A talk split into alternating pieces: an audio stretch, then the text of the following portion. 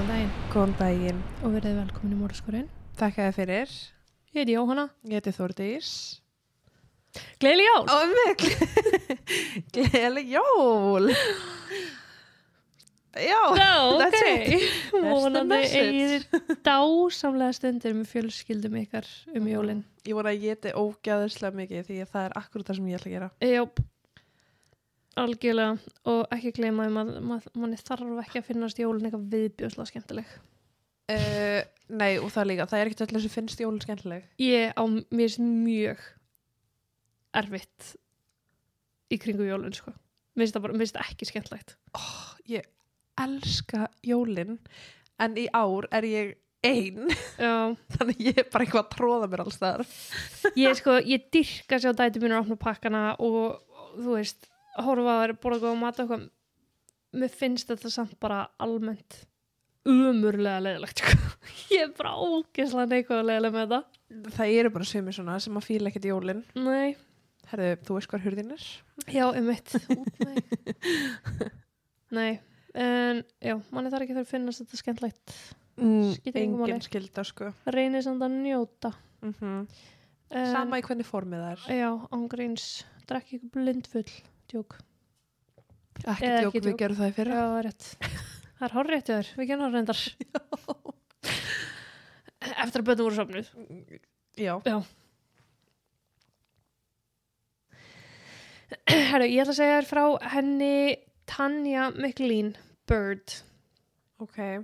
Hún fættist þann 20. oktober 1967 í Neptune í New Jersey í bandreikinum og hún var dóttir þeirra James og Jeanette McLean og var ein af sex sískinum og ég bara veit ekki meira um þetta tengt æskunennar. Ég veit að hún komur óbúslega stórri og náinni fjölskyldu, mjög sameldin fjölskylda og það verðist að vera nóg að gera í öllum.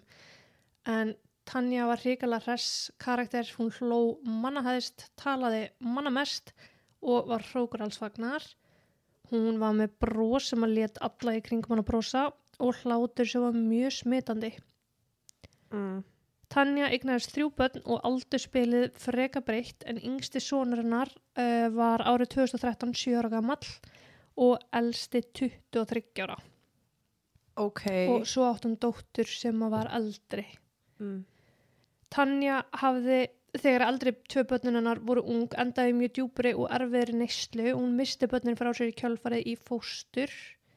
Lífennar hafði verið mjög krefjandi þessi ár sem hún eignast fyrstu börnin sín. Hjónabandið hennar hafði verið erfitt og, og neyslan auðvitað í ofanlag gerði henni ekki neitt gott. Mm. áfallið að missa börnin sín frá sér hins vegar verður til þess að hún snýr algjörlega við blaðinu og tekur sér saman í andlitinu. Ok. Á nokkrum árum var hún orðið mentar hilbreið starfsmæður og vann á öldrunar og hjúgrunarheimilum þar sem hún naut mikill að vinsælda en það hörku starfsmæður, lífsglöð, vandvirk og dugleg. Og mér langar eiginlega bara að sína að mynda henni núna að því að mér finnst bara myndin af henni segja svolítið hvernig persónleika hún var með. Þetta ekki sleip í tækninni? Ekki til sérstaklega nei. Þú veist þetta lítur bara út þess að gæla sem er alltaf í stuði sko. Já. en hún fann sér mjög vel í þessu hlutverki að aðstofa fólk og næra það hreinlega bara með nervur sinni og lífi gekk mjög vel hjá henni hún hafði eignast yngsta son sinn Nasir en hann var með Downs heilkenni og hún miklaði það bara nákvæmlega ekkert fyrir sér. Hún vissi að þetta var bara hlutverk sem henni var falið því að hún gæti tekist uh, á við það. Mm. hún var mjög mikil guðskona hafði alla sína trúi guði og að tímasetningar hans væru að ástæðu og yfirleitt fullkomnar. Tanja naut sín í hlutverki móður stóð sig alveg sérstaklega vel uh, þegar hún fekk börnin sín tilbaka sindi börnunum sínum af mikilega alúð ást. Árið 2013 þá bjóð hún með sonum sínum tveim, þeim 23 ára gamla Basit og 7 ára gamla Nasir Dótturinnar, Porsche, hefði verið flutt út og hún búin eignast börn. Basit, sonur hennar, átti þryggja mánuða gamlan son en hafði nýlega skilið konunum sinna og fekk að njóta góðs af því að búa heim í móðu sinni. Mér finnst alltaf svo fyndið þegar þú veist, paldið að heita Porsche. Mm -hmm. Þú veist, eins og hérna í Íslandi, ef ég væri bara, herrðu, þetta er Suzuki dóttir mín og hérna Mitsubishi í sonu minn. Já. Já, það má ekki það má ekki, það er þetta rétt. Einn daginn það muna mega, sko. heldur það, Já, veistu hvað nöfn er verið að samþykja? veistu hvað eru ekki að samþykja Skiljanlega, Talía með y af hverju ekki?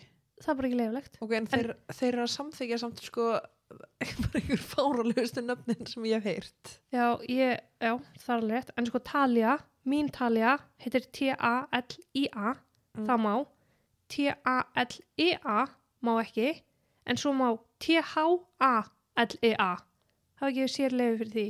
Já, á sama ára og Talía fættist já.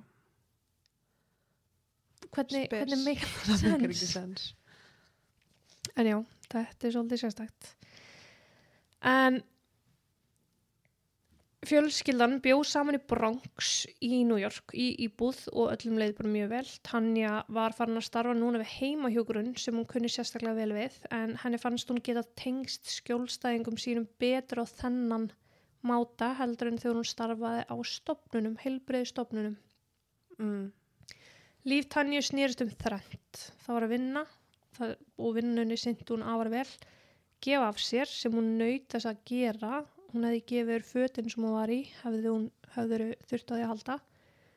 Og þetta var svona hennar leið þess að gefa tilbaka fyrir þau tækjafir sem hún hefði fengið í lífinu. Ok.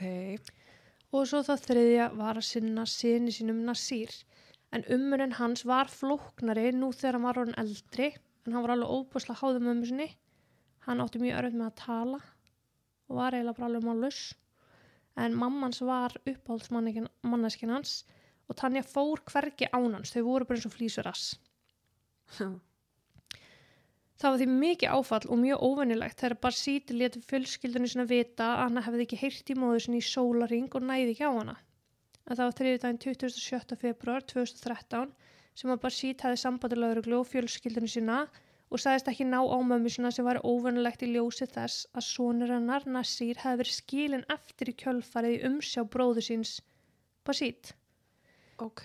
Eitthvað sem bara þekktist ekki. Tanja var með Nassir við hliðina á sér allan daginn, alla dag ef hún komast upp með það sko. Þannig að hún fór með Nasir til Basit. Basit bjó heima með Já. Tanja og Nasir. Þannig að hún skildi bara eftir og fór. Já, Ok. kem aðeins betur aðeins eftir.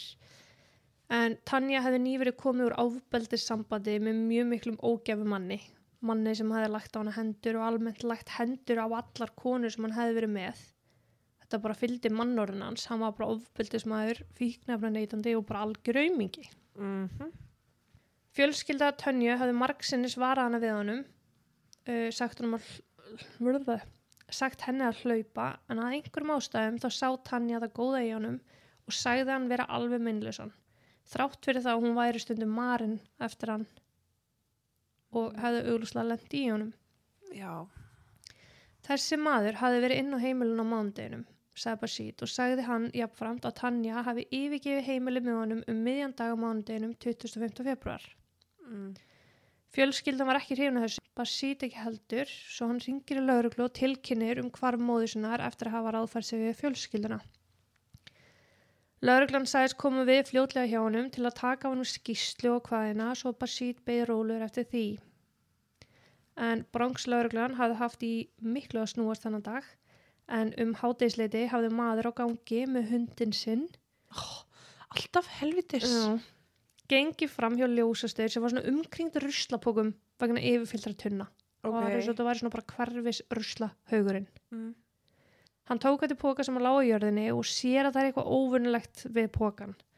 Hann hefði aldrei sínt þessu neina aðtegli nema fyrir það að hundurinn hans var einstaklega forvitin um innihald pókans og hefði Já. verið að róta í honum með bæði tríni og loppunni sinni. Þannig að pókin svona opnaði störldi. Og hvað kom út úr pókanum? Hann kíkir og bræður þegar hann sér að í pókanum er afskorinn fótlökur. Ah.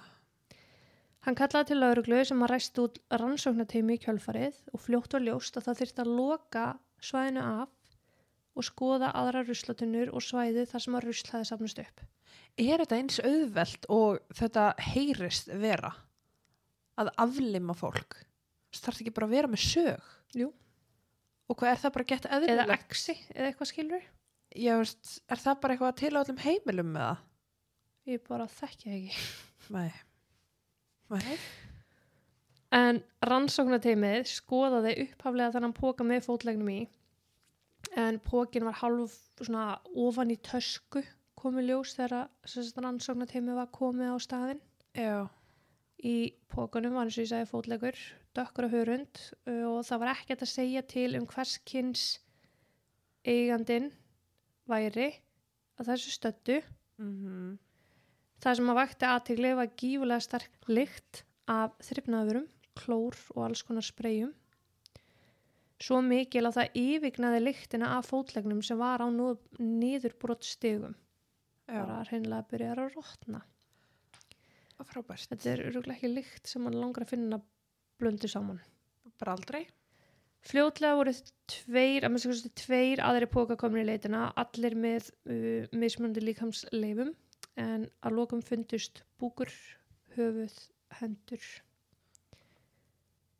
Samanlykt voru öllum pókum þessum, þessi bara ofbúsla sterka, óvenjulega hreinsefna lykt.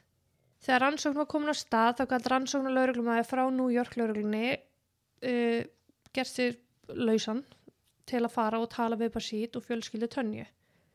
Nágranni Tönju sagði það af og frá að hún hefði farið eitthvað og skilur svona sinni eftir því að sír sonur hennar var svo gott sem mállus. Mm. Hún hafði bara heyrt hann segja mamma allan þann tíma sem hún hefði þekkt hann. Ok. Sistir Tönju hefði sagt að hún hefði gífulegar áhyggjur vegna mannsinn sem að Tanja hefði verið með og sagðist vel trúaði upp á hann að hann hefði gert henni eitthvað slæmt. Lauruglan þurfti að vinna þetta í skrefum og til að ræða við Basít fyrir lauruglumæðurinn inn á heimili Tönju og lauruglumæður óskar eftir því að að sjá mynd af henni án þess að nefna það að líkamslega var af dökkru konu hefði fundist en Tanja var dökk á hörund. Mm Basít síndi lauruglumannunum myndina af móður sinni og rannsókn og lauruglumæðurinn fjekk í magan en það var engin vafi um að afskorna höfuði sem hefði fundist í póka rétt við heimili Tönju var í raun höfuð Tönju. Við krupningu reyndi réttalæknir að krifja eins og hægt var en lík Tönju var auðvitað skorið í sundur og enn vantaði annan fótlegin Mm. en niðurstaðan var svo að trúlegaðist hefði Tanja verið stungin í hálsin sem að var til þess að henni blættu út að minnst okkur stegi vantaði mikið blóð. Hún var látin þegar líka með hennar var sundurlimaður var þetta komast að þeirri niðurstöðu en ekki lág neitt fyrir sem grunar einstaklingur þessi kærasti var til skoðunar en rannsóknarlagur var með einhverju tilfinningu sem hann bara gati ekki hrist af sér og hann sækir um leitarheimild. Heima hjá þeim. Leitarheimildin var til leitar á heimili Tönju Já. en þegar að rannsóknarlaugurglumæðurinn hafi komið henni heimilið þá þótt honum heitt þetta óvinnilegt. Fyrst og fremst var gríðarlega sterk hreinsefnilegt í íbúðinni hjá Tönju. Þegar hann bað Basít um að sjá mynda móðu sinni þá snýr hann sér við svo enginn sægi á síman hjá honum sem hann þótti bara mjög undarlegt. Hæ, ok, þú ert að taka með 360, sko. Mm En það var einhver sem sá hann að fara með óbelsmannunum. Basít. Það var bara sít. Mm Ok. Ofan á það þá var hann mjög flóttalegu líka. Þó svo grunurinn væri ekki meiri en þessi þá fjekk lauruglumæðurinn heimildina í gegn Mm. Eh, en það var mikil saga á bakvið Barsít. En Barsít hann vann ekki, hann gerði ekkert fyrir aðra, hann gerði ekki raskat nema það snýri að hans eigins raskati. Já, frábært. Hann var eignar hagsmunaseggur alveg út í gegn. Hann var ógnandi, hótaði reglulega og var þekktur fyrir það að nota ofbeldi til þess að fá sínu framgengt. Mm.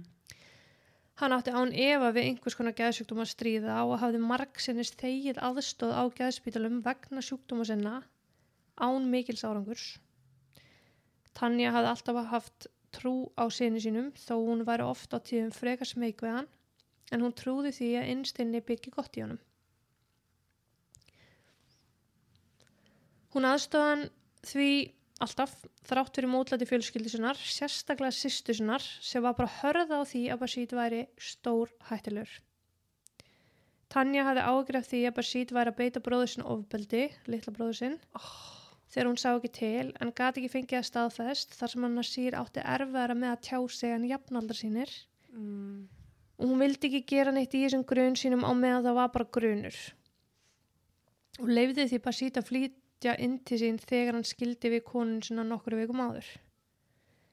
Basit var samt bersinlega mjög afbrísamur út í aðtegluna sem að litli bróðans fjekk, aðtegli sem hann hafði ekki fengið sjálfur sem bann. En sýsti Tannju segir að Basit hafi allatíð hata móðu sinna frá því að hún endaði neyslu og misti börnin sín í fóstur.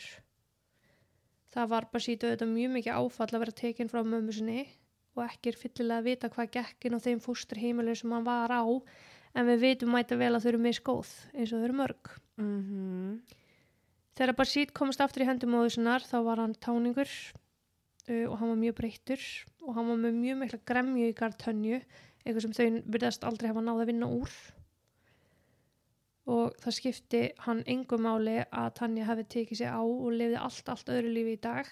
Hann bara virtist ekki geta fyrirgjöfum móðu sinni. Sem úlingur skemmt hann sér uh, að því að kveiki hlutum og horfa á brenna, taka af sér myndir og henda inn á MySpace og Facebook af brennandi hlutum og sér að horfa á brennandi hluti. ah. Árið 2010 hafði hann ráðist á tvo lauruglumenn vopnaði hníf og hafði nælt sér í fangilstóm og var á skilorðu vegna þessa á þeim tíma sem að móður hans myrt. Ok Þegar að laurugla mætir hennar heimili er ekki nokkur vafi á að einhvað gekk á.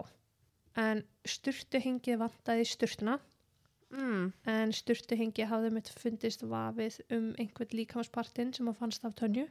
Já Þá var búið að skrúpa íbúðana hátt og látt með klár og alls konar hins efnum sem að fundist hann á heimilinu. Tugir latexhanska fundust sem var svolítið skrítið að eiga.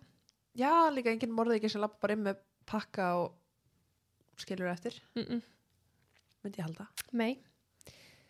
Fyrir utan íbúrhúsi sem að Tanja bjói fannst innkaupakerra úr einhverju verslun en vittni sögðust hafa séð mann sem að stemdi við lýsingubasít keirandi um með innkaupakerru daginn sem að líkamsleifana fundust. Talið var að hann hafi jafnvel nota kerruna til að flytja líkamsleifar móðusinnar á milli eftir að hafa myrt hana mm -hmm. en líkamsleifarnar höfðu allar fundist í gungufjálað frá heimilu tönju sem að styrti þennan grun en frekar.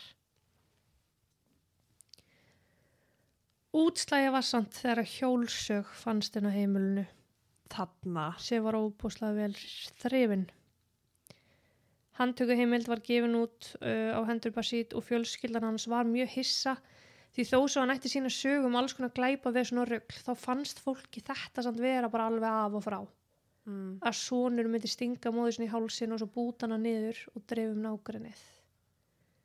Sistir Tönju sem var með mjög sterkar skoðanir á dóttur sinum, ha, ha, dóttur sinni sínum, var sannfart samt um það að fyrirvændi kærstu Tönju hafði haft eitthvað með málið að gera og var mjög ósátt við lauruglu sem henni fannst bara vera að sóa tíma með því að einblina á Basít. Ok Það var ekki fyrir en að sími Basít var gerður upptækur og færði til rannsóknar að erfitt var fyrir nokkurn mann að verja hann.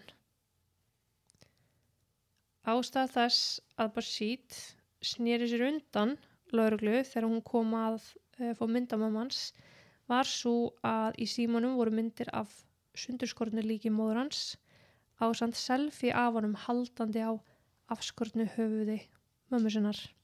ha, ha, þú, þú ert bara að sína mér þetta Já, ég sem betur fyrir ekki búin að rekast á myndina sem hún er ekki blöruð, sko. Já Málið fær aðtigli í fyrra þessi mynd fór í dreifingu aftur í fyrra.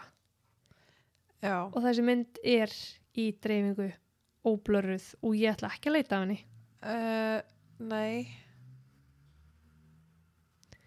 Og hef ekki lagt neitt í að reyna að finna hana, heldur. Ég mun gera það Ég, Nei. Er, Örglega ekki en þú veist, hann er brosandi, sko. Þú veist, hann er bara... uh -huh. ánægð með lífið þarna. Bashid var ákjærðu fyrir morð af annari gráðu þá og þegar og rannsóknin hjælt áfram samhliða samt. Minningar aðtöp Tönju var haldinn þann 16. mars þar sem að stappað var út úr dyrum af fólki sem kom og myndist hennar en það var um að ræða frábæra móður, frábæra vinnukraft, vinkunu og ættingja. Fólk náður hinnlega ekki utanum þannig skelvilega atbyrð sem hafði gæst að sonur geti myrt móður sína á svona hróttalegan hátt var fólki bara ofviða. Þannig bara alveg búið að staðfesta út frá myndunum. Mm Já. Vantrúin var farin, þau voru sjokki og mjög hissa á gjörðum bara sít en voru með ákjöruvaldinu í liði og vildu að hann fengi viðöðandi dóm og aðstóð við veikindi sín, veikindum sínum. Uh -huh. Bashir átti í engum vandræði með að gangast við glæp sínum og lýsa því mjög miklu smáadröfum hvað það átt sér stað. Og ég set alveg spurningamverki við að morðið sé annarstegs morð. Sem Þetta er premeditated. Já, og notandana Bashir á samfélagsmiðlum voru Kill Tanya Bird og Kill the Bitch Tanya Bird. Og hann fekk annarstegsmorð. Móður hans hefði kallað hann lélegan fadir einhvern daginn, það er ekki fyllilega vitað hvenar hún deyr. En hún hefði úskatt því að hann myndi flytja út og þegar hann var ekki að gera neitt þess að rífa sig upp á raskatinu. Nei. og vera betri maður. Þetta senda hann fram á brúninni og hann reyttist og réðist á hana aftan frá og stingur hana ítrekað í hálsin Mm. hann hafði þó ekki verið einna verki að saga líki í sundur Ekki segja mér, hann, hafi eh, sagt að Nasir hafi verið. Nei, nei, guðmugur. Um, Barsít byrjar á því að blóðtæma mömmu sína í baðkræði með sér. Hann hafði svo fengið vinn sinn William í að aðstóða sig. Hann reyndar hóta honum lífláti ef hann myndi ekki aðstóða sig. En ekki hefur komið fram hvena nákvæmlega Tanja lest, lest. En talið er að hún hafi látist á tímabili á milli lögadags og mándagsmorgun. Ok. En það er á mándagsmorgun, degi áður en að Bashir tilkynna hana týnda sem að William og Bashir hittast og Bashir sýnir honum myndir af látinu móður sinni Mm. og segist þurfa aðstoð við að losa sig við líkið. William vildi það aðlilega alls ekki Skiljalega. en Bashir sagði að hann yrði að gera það annars myndi hann drepa hann. Ok. William verandi nokkuð vissum það að Bashir gæti dreipið sig. Hann getur ekki drepið úr fangelsi, hann farið bara til lauruglunar. Já, en ég meina þeir voru þarna í persónu skilur. Já. Og ég meina, hei, ég þarf að hitta mömmu, ég get komið eftir korter og kem aldrei. Já, Ég veit ekki. nei, ég hugsa sít hefði ekki tekið það í mál. En-.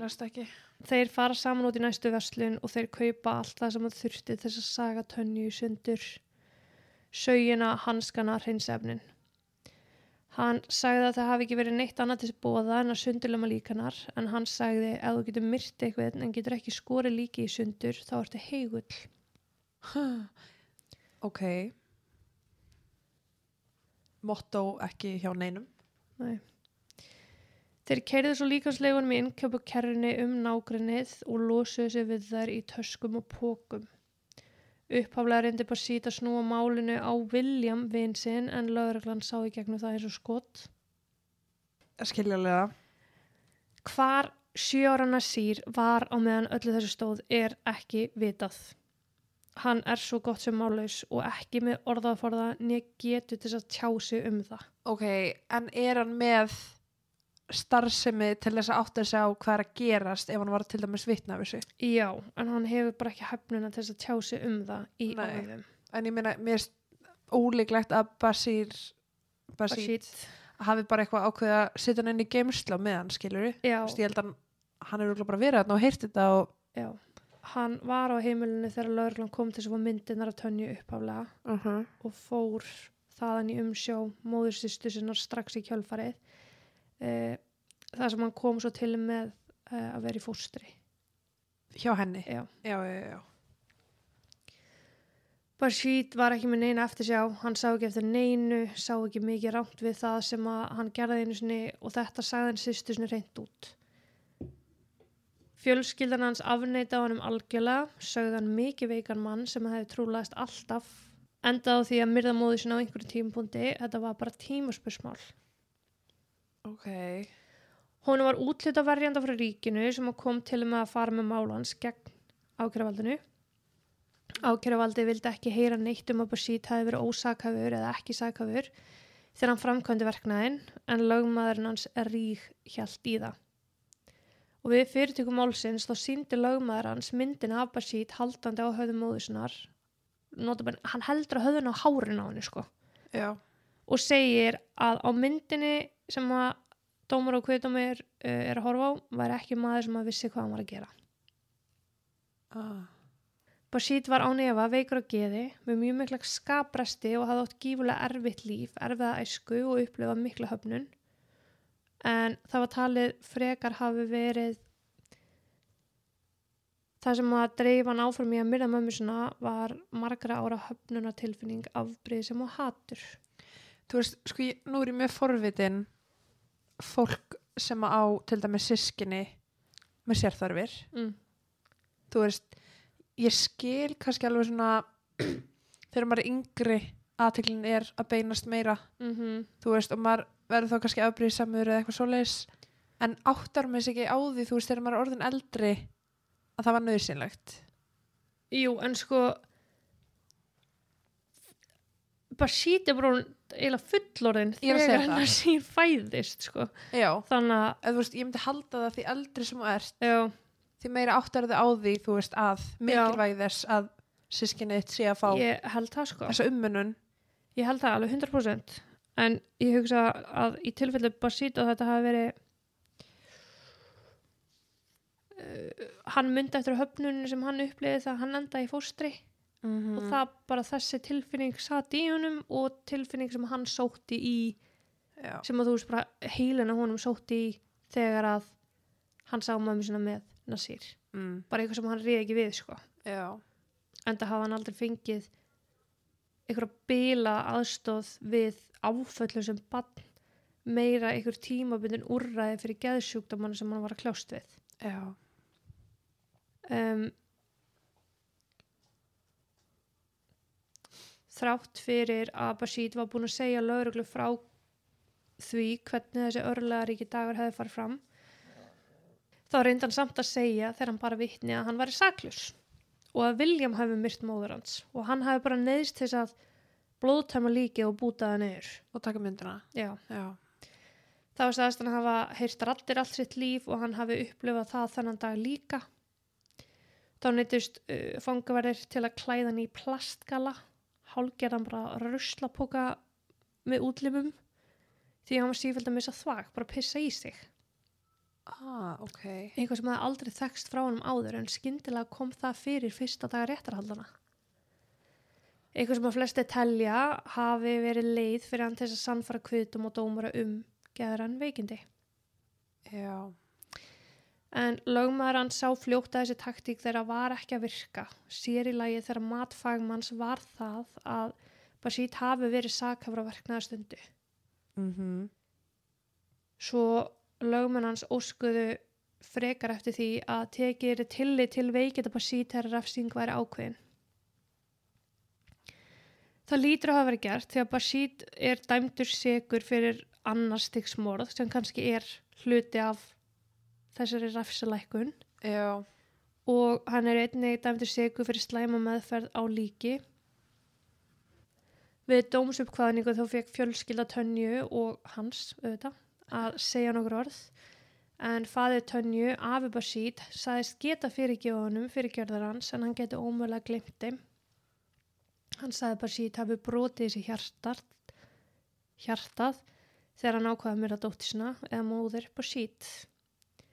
Sistir Basít, dóttir Tönju, sagðist ekki geta fyrirgjöfu bróðu sinum fyrir gjörður hans. mm. Hún vonaðist eftir því að einn daginn gæti hún það, en akkurat þennan dag þá sá hún það ekki fyrir sér í nánast framtíð. Sistir Tönju talaði mest um bróður Basíts Nasir, að Basít hafi tekið góða móður frá veikum, frá veikum dreng sem á móður sinna að halda.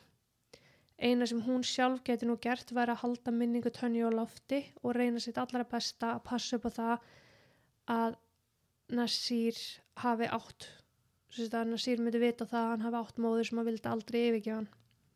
Já, Basít var svo dæmdur í 25 ára til lífstíðafangelsis þar að segja reynslu laust stendur honum til bóða árið 1900 nei, 2039 en hvort það gerist þessu annar mál en Basít átti ekki eftir að átti eftir að koma sér í frekara vandræði í fangelsi en hann hefur verið greipur í nokkur skipti með alls konar heimagerð vopn e, falin í dínunu sinni ah, sem enginn veit hvað hann ætlar að gera við. Þetta er bara það sem að bætir svo ofan dóman hans og því lengra er þar til hann fær mögulega reynslulausn. en hvað með William? Hann fekk 24 ár og satt inn í 2 ár Ó. fyrir sína þáttöku. ok, Andlátt Tönju átti ekki eftir að vera eina áfallið sem að fjölskyldan átti eftir að upplifa. ó ekki segja Nasir Nei, ekki segja sýstirinn, nei, ekki segja sýstir móðurinn nei. ok, hvað þá? er ykkur eftir? Árið 2017, fjórum árum eftir að Basít verði móðu sinna, þá fær sýstir Tönju símtal. Sónur Basít, sem var þryggja mánuða þegar að hann verðir Tönju, Uh -huh. var núna fjögur ára gamall, hafði dáið. oh. Basít hefði sérst verið giftu konu, Veru McLean, og fjölskylda Basít hefði verið virkilega mótfallin því að Basít myndi giftast henni. Ekki að því að hún var svo slæm, heldur af því að Basít var svo hryllilegur maður sjálfur. þau giftur sig eftir að fara í fangelsi Nei, giftu sig, þau voru skilin áður en að myrðir. þess vegna Tönju. bjóð hann hjá mömmu Já. mm. Það gæti enginn skili hvað vera sá í Basít og fólkið hans vildi forðinni frá því að vera með honum þess þá heldur giftast honum með eignast með honum bann. Mm. Það komu auðvitað daginn að Basít var ógeðslegur við veru og hjónaband þeirra endar í skilnaði og Basít flytið til Tönju. Vera hefði síðan meir gift sig aftur og hafði frá handtöku Basít eignast tvö önnuböld sem voru þarna 2017 einsás og bara nokkra veikna gamalt. Mm. En andlát, litlar svona Basít og veru var ekki minna hrikalegt en Tanju. oh my god Lögregla fekk tilkynningu um að lík Bass hefði fundist í stóru plastíláti inn á heimilinu með vatni í. stóru plast íláti Já, það bara talaði um eins og Plastkassi. götu eða eitthvað svo leis. ok, ég meina þú kemur alveg Já, þú veist, í IKEA-kassa já. Vera hafði lamið fjögur ára gamla són sinn með kúskafti og sett hann ofan í ílát uh, sem var vatni á meðan hún syndi hínum börnunum sínum tveim sem að voru einsás og nokkra vikna og hún syndi árskamla barninu eitthvað og þurfti svo að gefa nokkra vikna barninu brjóst og bara glimti sér. Og hún gengur svo fram á hann ringir lauruglu og, og sjúkralið og þegar lauruglu kemur staðin ásamt sjúkrabíl uh, þá kemur ljós að litli drengurinn er með smá lífsmörk. Og hann er endurlíkar en deyr á spítala vegna súrumni skorstinn sem hann hafði orðið fyrir að því hann hreinlega druknar. já,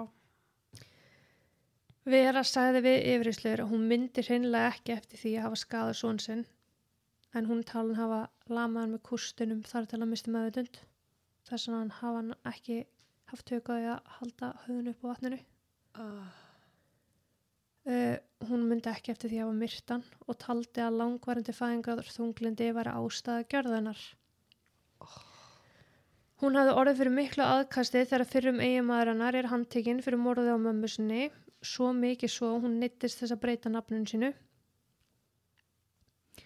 Þá hafði hún átt mjög erfitt andlega, mikil fjárhagsvandræði voru til staður í henni og mannanum hennar og hún hafði mist stjórna sér en jafnfram tók fram og hún myndi ekki eftir þessu nákvæma atviki. nei Hún bara gekk fram á són sinn ofan í plastíldunni og kallar sjálf eftir lauruglu. ég trúi því alveg Já. Ég held að hérna í svona fæðingarstyrlunum og annað mm -hmm. þetta er alveg valið sko. ég heldur sért ekkert meðvitaður um það hvað þú ert að gera Nei, og hún var á sjálfsvíksvakt í mjög langan tíma eftir þetta atvik mm. Og þetta er atvik sem kom öllum virkilega á óvart. Vera var bara góð móðir, góð kona, flott konum allt á hreinu. já, Það kom eitthvað upp á. og hún er síðan mér dæmdi 17 ára fangelsi sem segir okkur líka það að henni eru sínd eitthvað mildi Mhm. að eitthvað ástæðu Já. hún afplánar dóm sinn í Bedford Hills fangilsinu þar sem hún kemur til um að vera til 2037 held ég Mm. 117 pluss 17 er okkur 2034 já, 2034 Fjölskylda Tönju hafði fengið að sjá litla dreng Basítu veru einu sinni bara þegar hann var nokkra vekna gamall. Mm. en enginn hefði síðan aftur. Sem sagt Eftir, eftir að Basít fyrir fangilsi og það er hvergi að finna neina sérstakar ástæði fyrir, það, veist, fyrir því sko. En svo koma bara þessar fréttir í ljós sem var öllum mjög erfitt og þetta er rauninni bara umulig viðbót við málið Mhm. þú veist og er í rauninni allar þær upplýsingar sem ég er með um málið Já. en þetta hérna var svolítið bara svona elda einhverjar þú veist 11 ára gamla fréttir á netinu til þess að finna upplýsingar ekkert alltaf mjög áreðanlegar og þú veist mörg tilfelli þar sem var bara að tala um bara já þessi hún hún er sko fætt þetta, dó þetta og hún var 62 ára Mm. sem meikar ekki sens að því hún var 45 ára Já. þú veist hún er fætt þetta tiltekna ár og það er tekið fram í fréttinni Mm. það er líka tekið fram hún hafi dáið þetta tiltekna ár Já. en samt ekki rétt, reikna rétt hvenær hún að þetta var svona mál svo svolítið erfitt að grafa upp upplýsingarnar þannig að ekki mjög mörg smáadreið í þessu en þó nokkuð ógeðsleg Uh -huh. smáadreið Já. Sammála. en ég ætla bara aftur að segja gleyli jól og Já. Gleðli jól og hafa það gott. Sama hvað ég gerið. mhm segi það, herru, Mm -hmm. takk fyrir mig í dag Takk og bless. takk og bless